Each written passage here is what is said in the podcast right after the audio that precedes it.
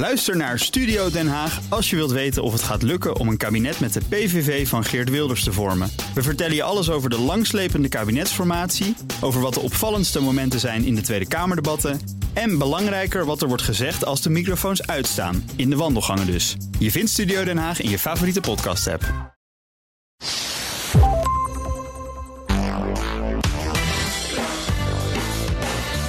Welkom bij de Ben podcast bij BNR, de podcast over persoonlijk leiderschap. Elke week hebben we nieuwe tips en inzichten van behoorlijk inspirerende gasten die je helpen om je verder te ontwikkelen je werk en de rest van je leven. Mijn naam is Ben Tichelaar en mijn gast in deze aflevering is Jos Burgers. Jos, welkom, wat mooi dat je er bent. Dankjewel, fijn dat ik hier mag zijn. Ja. Ik uh, vind het een eer. Nou ja, ik vind het een eer dat je er wilt zijn. Uh, Jos Burgers, uh, dames en heren, die is expert op het gebied van klantgerichtheid en marketing. Hij was ooit hogeschooldocent, consultant, marketingmanager. Maar tegenwoordig is hij vooral spreker en schrijver. En hij verzorgt jaarlijks een indrukwekkend aantal presentaties. En hij schreef allerlei bestsellers, zoals één fan per dag... Geef nooit korting. En de wet van snuf. Verschillende keren was een boek van Jos Burgers het best verkochte managementboek van het jaar. En daarnaast ben je ook, heb ik uh, gezien, uh, sinds kort ook podcastcollega bij BNR. Ja, dat klopt. Ja, ja hoe heet ja. de podcast ook alweer? Uh, de Klantenpodcast is de titel. En ik doe dat samen met uh, Danielle de Jonge. En we bespreken wekelijks een uh, thema. Een uh, prikkelende stelling wordt besproken. En daar koppelen we dan natuurlijk wat adviezen aan vast en tips en inzichten. Allemaal over klantgerichtheid. Allemaal klanten. Ja, het enige onderwerp klanten. Oké, okay. nou. Er komt ook nog een nieuw boek aan. En dat is een misschien wel leuk. Daar gaan we straks verder over hebben, ook met elkaar. Uh, de titel van het boek is, ik vond hem erg leuk. Thuis ben ik niet zo leuk. ja, ja, klopt. Dat is de titel van het boek. Ja. Uh, iets over zeggen? Over ja, mag de... je zeggen, het gaat over humor. Ja, het, gaat over, het boek gaat over humor. We humor duiken zo meteen de inhoud wel even in. Maar dit, Prima. Ja. En, uh, maar de titel die is afkomstig van mensen die denken als je vaak humor gebruikt, dat je dan thuis ook gewoon 24 uur grappig bent. In een deuk ligt de hele ja, dag. En mijn vrouw is blij dat dat niet het geval is. Ja. En, uh, en uh, dus het eerste hoofdstuk uh, heeft als titel meegekregen: Thuis ben ik niet zo leuk. Ja. En ik hoor ook vaak namelijk van cabaretiers dat ze zeggen: Ja, op een feestje ben ik ook niet zo leuk eigenlijk. Ik nee, zit precies. meer te observeren en te analyseren wat er gebeurt. En dat kan ik dan later mooi gebruiken.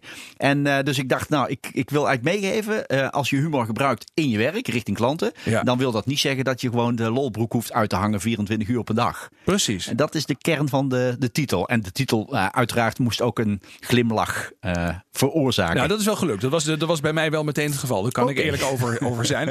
Maar we gaan straks even over de inhoud uh, onder meer van het boek hebben. We gaan eens beginnen met uh, de vragen die ik voor je heb. Ja. En een vraag die ik aan iedere gast stel die hier komt bij deze podcast over persoonlijk leiderschap. Die gaat ook echt over persoonlijk leiderschap en ook over jou persoonlijk. Wat is nou een inzicht, iets wat je in je werk hebt geleerd? En dat zal vast heel veel zijn, hè? maar Absoluut. iets wat jou persoonlijk echt heeft veranderd. Waarvan je zegt, nou dat heeft echt impact gehad op mij. Ja, uh, dat um, waar ik dan als eerste aan denk is um, het, het, aloude principe, het eeuwenoude principe van wederkerigheid. Um, ik, je zei ook al in je inleiding, ik ben ook uh, hogeschooldocent geweest, uh, 12 jaar. NIMA B, C, nou, allerlei dingen gegeven, cursussen op het gebied van marketing en management.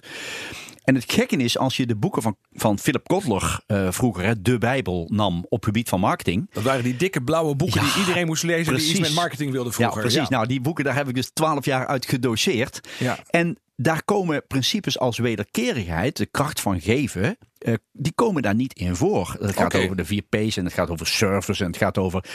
En toen ik ooit... Um, een klein rolletje mocht hebben in de seminars van uh, Robert Cialdini, hè, die ja. elk jaar naar Nederland komt. Bekende beïnvloedingsexpert. Ja, uh, bekend van, uh, wereldwijd bekend van het boek Invloed. Toen um, werd ik geconfronteerd met dat principe van wederkerigheid. En toen dacht ik, wauw, daar zit zo verschrikkelijk veel in. En dat heeft wel, moet ik zeggen, mijn denken over klanten en relaties heel erg beïnvloed. En uh, later ben ik boeken dus gaan lezen die daar uh, aan, aan, gerelateerd zijn. Bijvoorbeeld een boek van Adam Grant, ja. Geven en Nemen. Een fantastisch boek. Uh, dat gaat dus ook over gevers en nemers enzovoorts. En uh, later ben ik dus mijn eigen boek, uh, De Wet van Snuf, gaan schrijven. Omdat dat ook weer gaat over wederkerigheid. Dus ik Ja. ben het meer eh, gaan hebben over de uitvoering van dat principe. Maar dat principe van wederkerigheid en de kracht daarvan heeft mijn denken heel erg beïnvloed. En Heel erg veranderd. En kun je kort eens aangeven, de, de kracht van wederkerigheid, dat is als, als jij iets voor een ander doet, Ja. dan, dan krijgt de ander de neiging om iets terug te doen voor jou. Hè, dat, is, dat is heel kort samengevat, geloof ik, hè, die wet van de wederkerigheid. Eh, dat maar klopt, het klopt, Maar jij hebt er maar- veel meer over gedoseerd. Leg maar eens uit. Nou, eh, als je iets doet voor een ander, geeft of wat dan ook, maar eh, zonder bijbedoelingen. Oké, Want als je het doet met als voorop, eh, je biedt iemand een gratis lunch aan, maar met als idee, nou dan valt er misschien wel wat handel te scoren, ja. dan is dat geen geven. Nee. Dan is dat een poging om iemand om te kopen met een gratis lunch. En dan denk je, nou, dan krijg ik daar wat voor terug. Maar op het moment dat je eh, belangeloos, ehm, eh, ik noem het wel eens zonder voorbedachte raden, Ja. mensen helpt of iets geeft of doet, dan gaat dat plotseling heel veel opleveren. Alleen je weet niet wanneer en, en, en hoe en ooit. ja, maar je moet het eigenlijk dus niet doen met het idee dat het iets gaat opleveren. Als, als ik jou goed begrijp. Ja, dat, dat is de moeilijkheid. Ja. Dus de, ehm, als ik een, een simpel voorbeeldje mag geven. Ik had onlangs een zaal met eh opticiens voor me, met, Ja. met eh, een, een luxere segment. En toen was mijn vraag. Als er nou een klant komt en die zoekt een, een montuur, die zoekt iets en dat hebben jullie niet. Maar je weet dat je collega twee straten verderop dat wel heeft. Ga je die klant dan zeggen, ik ga je nou een goed advies geven. Ga twee straten verderop, dan zit een collega van me. Doe me ook de hartelijke groeten van mij. Ja. En daar zul je slagen. En, nou, en dan kijkt die zaal mij verbijsterd aan. En, en je gaat een klant toch niet naar de concurrent sturen? En dan Ja. zeg ik, nee, maar wat denk je wat dat doet met jouw gunfactor? En die klant, die vindt die concurrent sowieso twee straten verderop. Want het kost alleen meer moeite eh, om hem te vinden. Dus waarom zou je hem dan niet helpen? Dat vindt men een hele moeilijke gedachte. Ja, snap ik ook wel een beetje. Want ik, ik, wat ik me dan afvraag, ook een beetje naar hoe jij er naar kijkt, over hoe jij er naar kijkt, is dat dan iets waarvan je zegt, ja, dat is gewoon goede marketing. Dus eigenlijk dat je dat vanuit een marketingperspectief bekijkt. Of is dat meer een soort levensinstelling van je zegt, ja, zo kijkt Jos Burgers eigenlijk liever naar het leven. Ja, dat is, het, dat is de aloude discussie van altruïsme. Van doe je dat voor jezelf of doe je dat voor anderen? Ja, Maar het mooie is natuurlijk, als het jezelf ook een goed gevoel geeft en het levert je dan ook nog wat op, waarom zou je het dan gewoon niet doen? Maar dat moet niet het vooropgezette doel zijn. nou precies. Dat is dus niet het vertrekpunt. Dus Nee, het is bij jou dus nog een soort, soort eh, nou ja, eh, met de paplepel ingegoten idee over blijkbaar hoe je met andere mensen omgaat. Of iets wat je Eh, onderweg nou, het hebt geleerd. Ook, het klinkt misschien een beetje gek, maar het heeft ook met, een, met geloof te maken van wat gaat je verder helpen in Ja. het leven. Ook in het zakelijke leven dus. Hè? Wat gaat je verder helpen? Als ik, ehm, als ik een klant die mij wil boeken eh, afraad om dat met mij te doen. ja, Omdat ik denk dat het beter is voor die klant. Dat dus een ander komt in plaats van ik. ja, Eh, dan doe ik dat oprecht eh, met goede bedoelingen voor die klant. Eh, ik zal even nog wat concreter. Ja. Stel, iemand heeft mij een jaar geleden ingehuurd, is zo enthousiast en wil mij nu weer inhuren. ja. eh, voor de relaties of wat dan ook. En ik zeg nou, dat moet je niet doen binnen een jaar, want het wordt niet beter dan vorig jaar. En de verwachtingen zijn nu hoog, dus je kunt beter een collega afvragen. Precies. Ja. Dan is de klant onder de indruk van het feit dat ik mezelf afraad.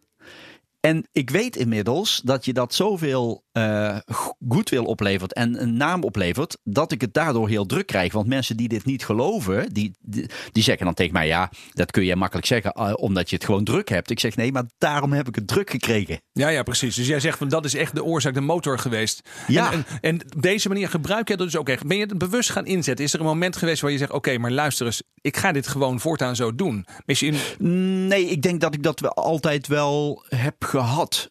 Dat, nee, ik denk dat het dat, dat die Dus manier van denken, van kijken. Ik ben een pleaser sowieso, een dienstverlener Ja. ook. Maar wel van, eh, van mensen helpen. Ja. En eh, niet direct met als eerste van wat levert me dat dan op. En, eigenlijk zou je kunnen zeggen: heb je een soort theorie gevonden of een Ja. onderbouwing die laat zien dat gewoon mensen helpen, blijkbaar ook gewoon goede marketing Ja, is. dat dat principe van wederkerigheid denkt, wauw, dat werkt ook gewoon zo. Ja, En dat is, eh, ja, dat lees je in, in, in onderzoek in boekjes terug. Ja, ja. Ja, heel interessant. Ja, we hebben wel eerder ook gasten hier gehad die helemaal fan waren van Adam Grant. Maar ook vanwege dit, dit eh, onderzoek wat hij heeft Ja. gedaan. Hè, dat het ook echt helpt eh, als je mensen zonder bijbedoelingen dingen geeft. Als mensen, Ja. mensen helpen zonder dat je per se er zelf direct beter van wilt Precies, en dat wil niet zeggen dat je natuurlijk gewoon eh, altijd maar naïef moet zijn. Want dat is natuurlijk een ander verhaal. Want Adam, Adam Grant die heeft het in zijn boek mooi over gevers, nemers en uitruilers. Nou, uitruilers, dat zijn sowieso de losers, zeg maar, zakelijk gezien. Hè? Want Ja. die kijken altijd wat, wat zit er voor mij in. En dan ga ik het wel doen of niet doen. Nou, die komen nooit ver. Maar de mensen die het verst komen, zijn de gevers en de nemers. Oké, Dus nemers is ook een geweldige strategie.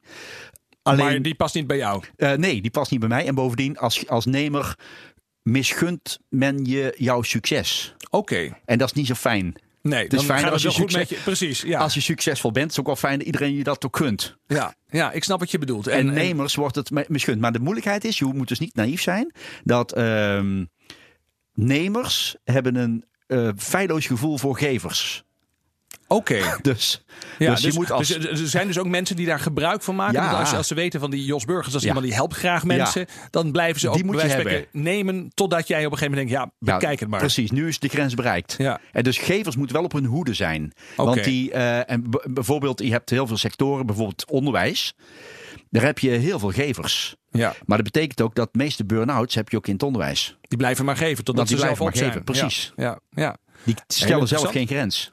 Interessant, maar dit is echt voor jou persoonlijk, is dit eigenlijk het belangrijkste ook misschien wel wat je dan aan anderen zou willen overdragen? Ja, en nog een van de belangrijkste. Want ik heb natuurlijk heel- gelukkig heel veel geleerd in mijn, in mijn leven. En eh, als ik nog een ding mag noemen, eh, eh, Porter, strategie enzovoort. Ja. Ja, ik heb ehm, een van de grote inzichten die ik meekreeg van hem was: ehm, concurreren gaat niet om beter worden dan een ander, maar gaat om anders zijn.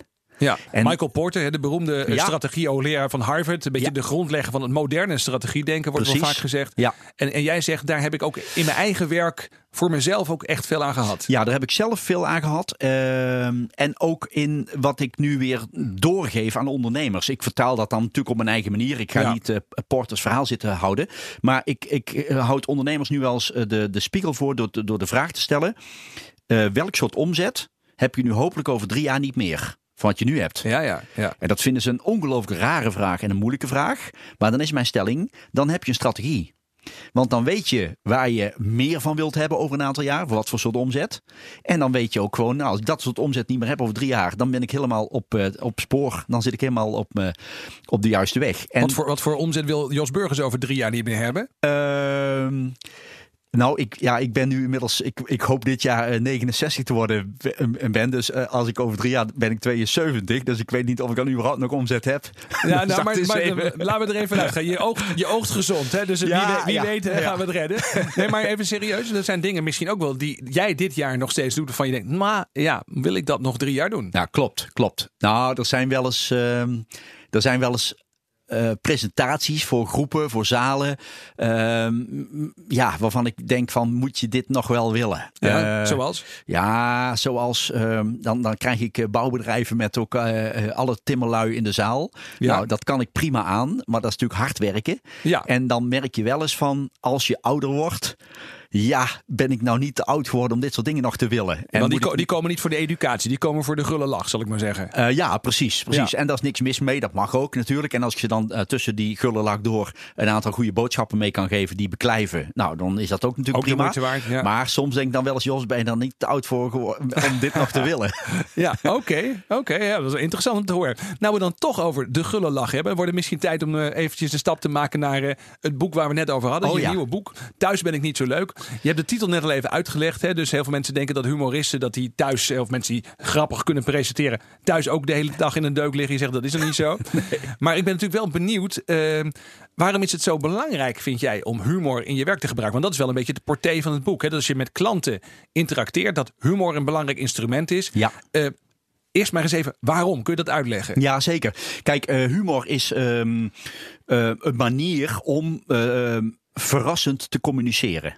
En eh, verrassend communiceren is beter dan gewoon communiceren.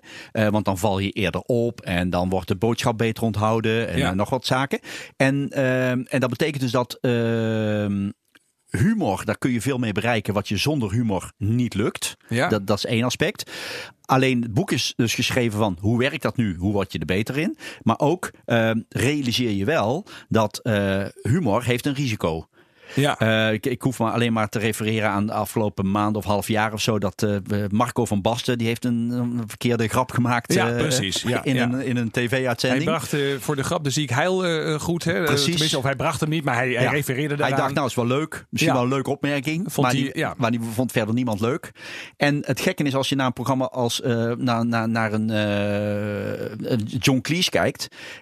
Faulty Towers. En die heeft Duitsers in zijn restaurant. Hè, dan begint het van don't mention the war. Ja, Dus precies. daar worden heel veel grappen over gemaakt over die oorlog. En dus het, ehm, Dus het kan wel, maar dan moet je het goed doen. Precies. Ja. Humor is wel een, een lastig iets. En dat is ook de reden dat ik heb gedacht, ik ga er ook ehm, aandacht aan besteden. Ja. wat zijn de En valkuilen? trouwens even tussendoor, een tijdje geleden zag ik John Cleese in een talkshow op de Britse tv. En dat was helemaal niet leuk. Hij was alleen maar heel geagiteerd, eh, Oh. heel bozig. Eh, Ik bedoel, hij is in heel veel gevallen ook helemaal niet zo aardig en niet zo leuk. Behalve misschien als hij zich erop voorbereid heeft. Dat weet ik niet dus hoor. Maar... ik begrijp dus goed, Ben, dat eh, John Cleese is thuis ook niet zo leuk. Die is thuis ook zeker niet zo leuk. Nee, en ook niet op tv in een interview altijd. Ja. Maar goed, even los daarvan. Eh, je zegt Maar- dat er zit dus een risico in. Ja, maar er zijn heel veel voordelen.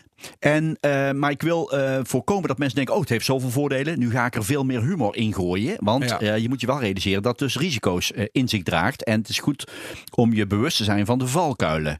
En, eh, maar als ik eens een voorbeeld mag geven: als je met humor communiceert, Ja. dan is je boodschap meteen veel minder belerend Ja. dan zonder humor.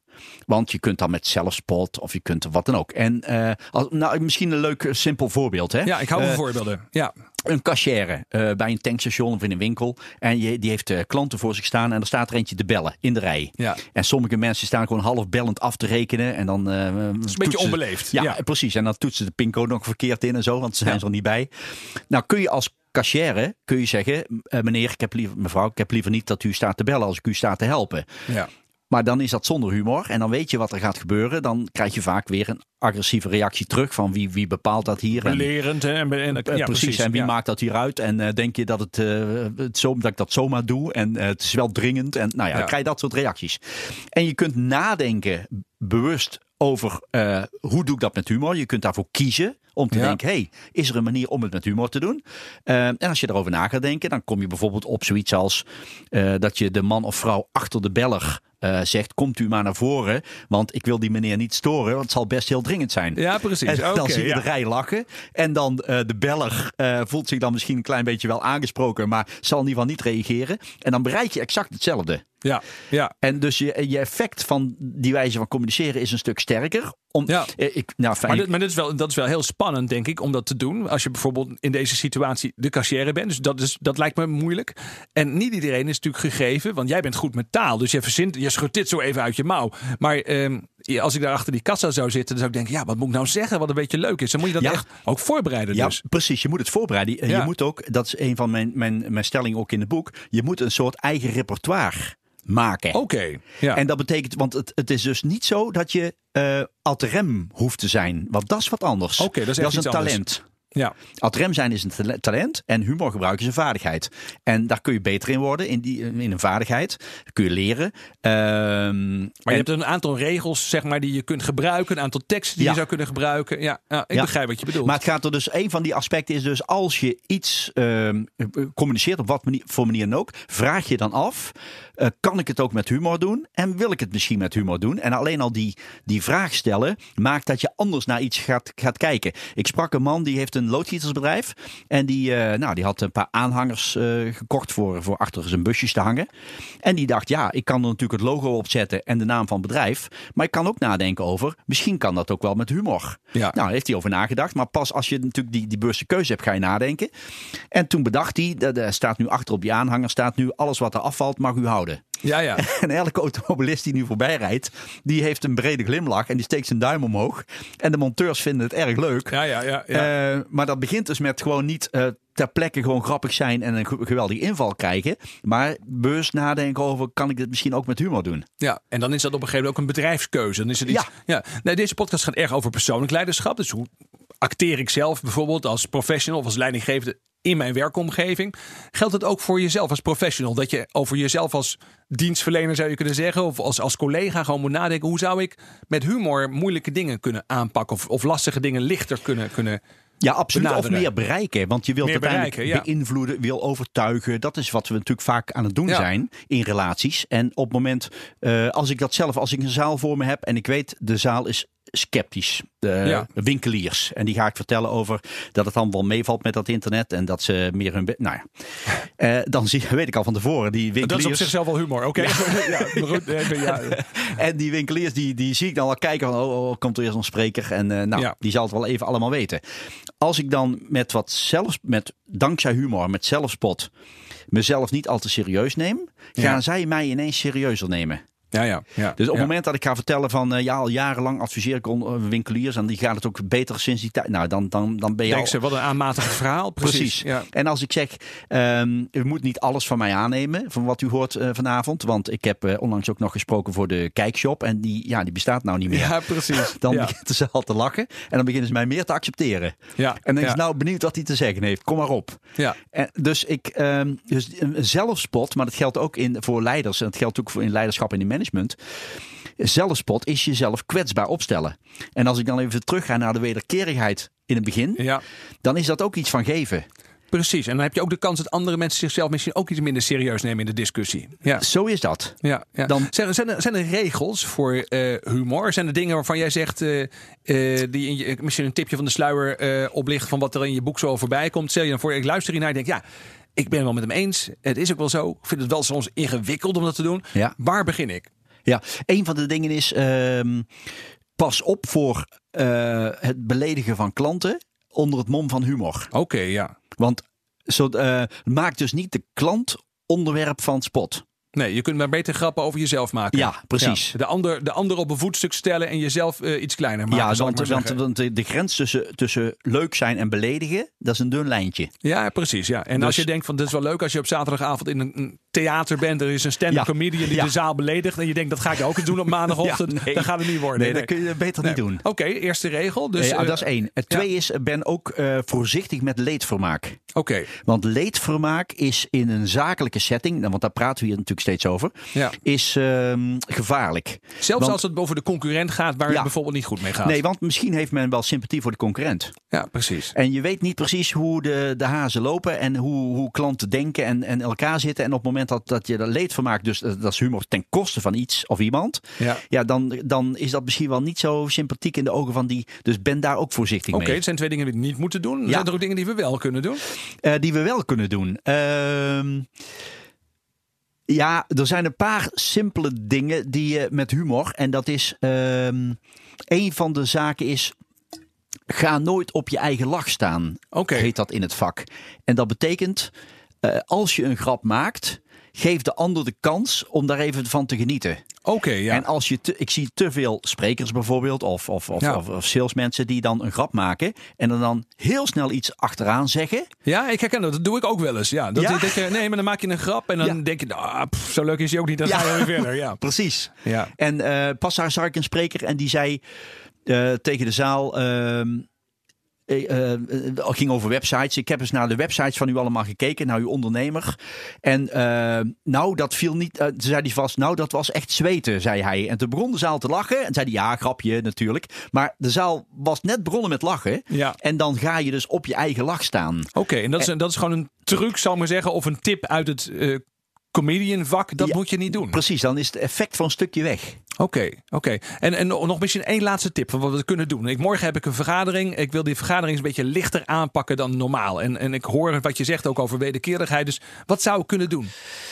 Ehm, Ik heb nog een avond om me voor te bereiden. ja, Kan nog net. Kan nog net. Ehm, denk eens na over jezelf dus wat relativeren bij de opening van die vergadering. Of Ja. bij, eh, bij je introductie. Of bij het, in het begin van je verhaal. Want dat, dan, daar win je heel erg veel mee. Zelfspot is echt eh, ja, de hoofdmoot, zal ik maar zeggen, in het boek. Omdat je dat zelfs sympathieker maakt. Ja, helder. Dus da- dat zou, dat zou echt iets zijn om naar te kijken. Nou, dat is prima. Goede tip. Ehm, ik zie eh, aan de tijdklok hier dat we, dat we al langzamerhand weer naar een afronding toe moeten. Ja, dus ja. Ik, we, ga- we gaan eens eventjes kijken naar eh, de verrassende vraag. Ik heb iedere eh, keer een verrassende vraag voor eh, iedere ja, gast hier in, het, eh, in de podcast. Ja. Eh, dat betekent dat je een nummer moet kiezen van 1 tot en met 15. En dan wordt er uit de envelop een, eh, een vraag getrokken. Ik ben heel Oké. benieuwd. Ja. All right. Dus eh, kun je een nummer geven tussen van 1 tot en met 15? Eh, ja, doe maar vijf. Nummer vijf. Nummer 5. Oké, dit is een leuke vraag. Eh, wat is een merk of een soort product waar jij gek op bent? Is er iets waar jij echt eh, voor omrijdt, zal ik maar zeggen? Of een merk of een product? Nou, eh, dan is dat een merk of een product waar ik mee omrijd. Zeg maar in plaats van waar ik voor omrijd. Oké, ja. Ja, want dat, ik ben echt een saapman. Oké. En, eh, Dat is wel lastig, want die maken ze niet meer, toch? Nee, maar daarom heb ik nog een van de laatste. Die Ja. in Zweden van de band is gekomen. En ik heb eh, nog zo'n mooie 9.5. En daar heb ik pas ook gewoon een hele nieuwe motor in laten leggen. Want die waren in Zweden nog gewoon volop. stonden die nog in de fabriek. Je kunt nog nieuwe motoren krijgen Ja, want voor die staan daar, want het bedrijf is plotseling gestopt. En er stonden Ja. daar natuurlijk heel veel motoren. Dus die, die stonden daar nog. Dus eh, ik zeg, nou, dan laat maar gewoon komen. Dus ja, ik- ja, ik heb er nu 280.000 mee, mee gereden. En dus met, met die motor. Maar dat is wel, ik ben wel echt een saapman. Ja, precies. Dus jij bent van plan om zeg maar deze auto, die blijf je gewoon rijden en af en toe laat je onderdelen vervangen. Ja, ja. Ja, komt komt het op Oh, neer. interessant. Leuk. Hey, en de allerlaatste vraag. Jouw mediatip of me- mediatips misschien. Ehm, Ja. Als we nou eh, luisteren naar jouw verhaal, maar misschien zijn er ook wel andere dingen van je zegt, ja, dat, dat is misschien een heel ander soort onderwerp, maar dat inspireert mij en dat zou ik graag willen meegeven aan de luisteraars. Wat is nou een TED-talk of een boek of een film waarvan je zegt, verdiep je daar eens in? Ja, dan denk ik even ook terug aan het begin van ons gesprek. En dan Ja. kom ik daarop terug. En dat is een, ehm, een boek wat misschien een aantal mensen ook wel kennen. Het is ook niet direct een zakelijk boek, want het is zowel zakelijk als privé, denk ik, goed toepasbaar. Ja. Maar dat is het boek van, van eh, Rutger Bregman. eh, de meeste mensen deugen. Interessant dat je dat noemt. Ja. Want ik heb dat boek eh, gelezen, helemaal onlangs. En dat boek, ehm, dat, dat heeft eh, me echt geraakt. Daar, daar, daar, daar heb ik eh, veel aan gehad. Eh, omdat de titel zegt het al, de meeste mensen deugen. Dus Ja. dat gaat ook uit van wederkerigheid. Van heb nou vertrouwen, geloof in anderen. Ben maar gerust eens een keertje naïef. Eh, word maar een keer belazerd. Als dat niet te veel Ja. geld kost, is dat niet zo'n ramp. Maar een van zijn laatste stellingen is dus... wat zijn de kosten van wantrouwen? Dus op het moment dat jij eh, alles en iedereen wantrouwt, dan, dan, dan hangt de prijskaartje aan. Want dan ga je regels instellen, procedures en noem maar op allemaal. Gedoe ga je dan, extra mensen erop zetten enzovoort. Hè. Dat kost geld. Dat wordt nooit uitgerekend wat dat kost. Eh, en de vraag is, eh, stel dat je eens een enkele keer benadeeld wordt. Ja. eh, eh, dat weegt misschien helemaal niet op tegen die kosten van wantrouwen. En toen ik zijn boek las en de titel zag de meeste mensen deugen. Toen dacht ik, oh Jos, dit was een fantastische titel voor jouw boek geweest. De meeste klanten deugen. Ja, oké. ja, dat ze, Want daar- dus- maar zo kijk je ook naar de boeken van, van collega-schrijvers. Dan denk je, Ja. oh, dat had ik willen schrijven. Ja, En dat had ik willen je, schrijven. Dit boek had je willen Want schrijven. eh, ik ben er ook Ja. zo van overtuigd, de meeste klanten deugen. Die willen Ja. helemaal niet de zaak belazeren of wat dan ook. Die enkele natuurlijk die je hebt, daar moet je voorzichtig mee zijn. En eh, dus toen ik, eh, dit boek kan ik echt, ja, vond ik een Maar god, fantastisch dat is boek. ook heel interessant. Dus voor mensen die met klantgerichtheid bezig zijn, zeg je lees dat boek. Want er zit nog eens een keer een stuk wantrouwen in procedures die bedrijven bijvoorbeeld hanteren naar klanten toe. En dat, daar moeten ze eigenlijk gewoon mee stoppen, begrijp ik ook van jou. Eh, ja, zeker. Ik Ja. ben heel erg voor eh, eh, ja, vertrouwen, minder regels. en ook medewerkers dus vertrouwen geven Ja. om te laten handelen naar, naar bevind van zaken. En, en, ja, als je, en als je dit boek leest, zeg je dat helpt je ja, in, in je denken helpt erover. enorm. Mooi. Ja, Mooi om dat te horen. Dankjewel eh, Jos Burgers. Ontzettend fijn dat je hier vandaag eh, te gast wilde zijn. heel graag gedaan, eh, Ben. Mooi. Dit was de Ben Tichelaar podcast bij BNR met als gast Jos Burgers. Vond je dit interessant? Check dan ook de andere podcasts via BNR of je favoriete podcast app.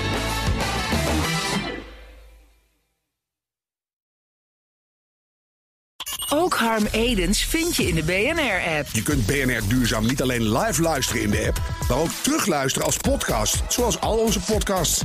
En naast dat de BNR-app Breaking News meldt, houden we je ook op de hoogte van het laatste zakelijke nieuws. Download nu de gratis BNR-app en blijf scherp.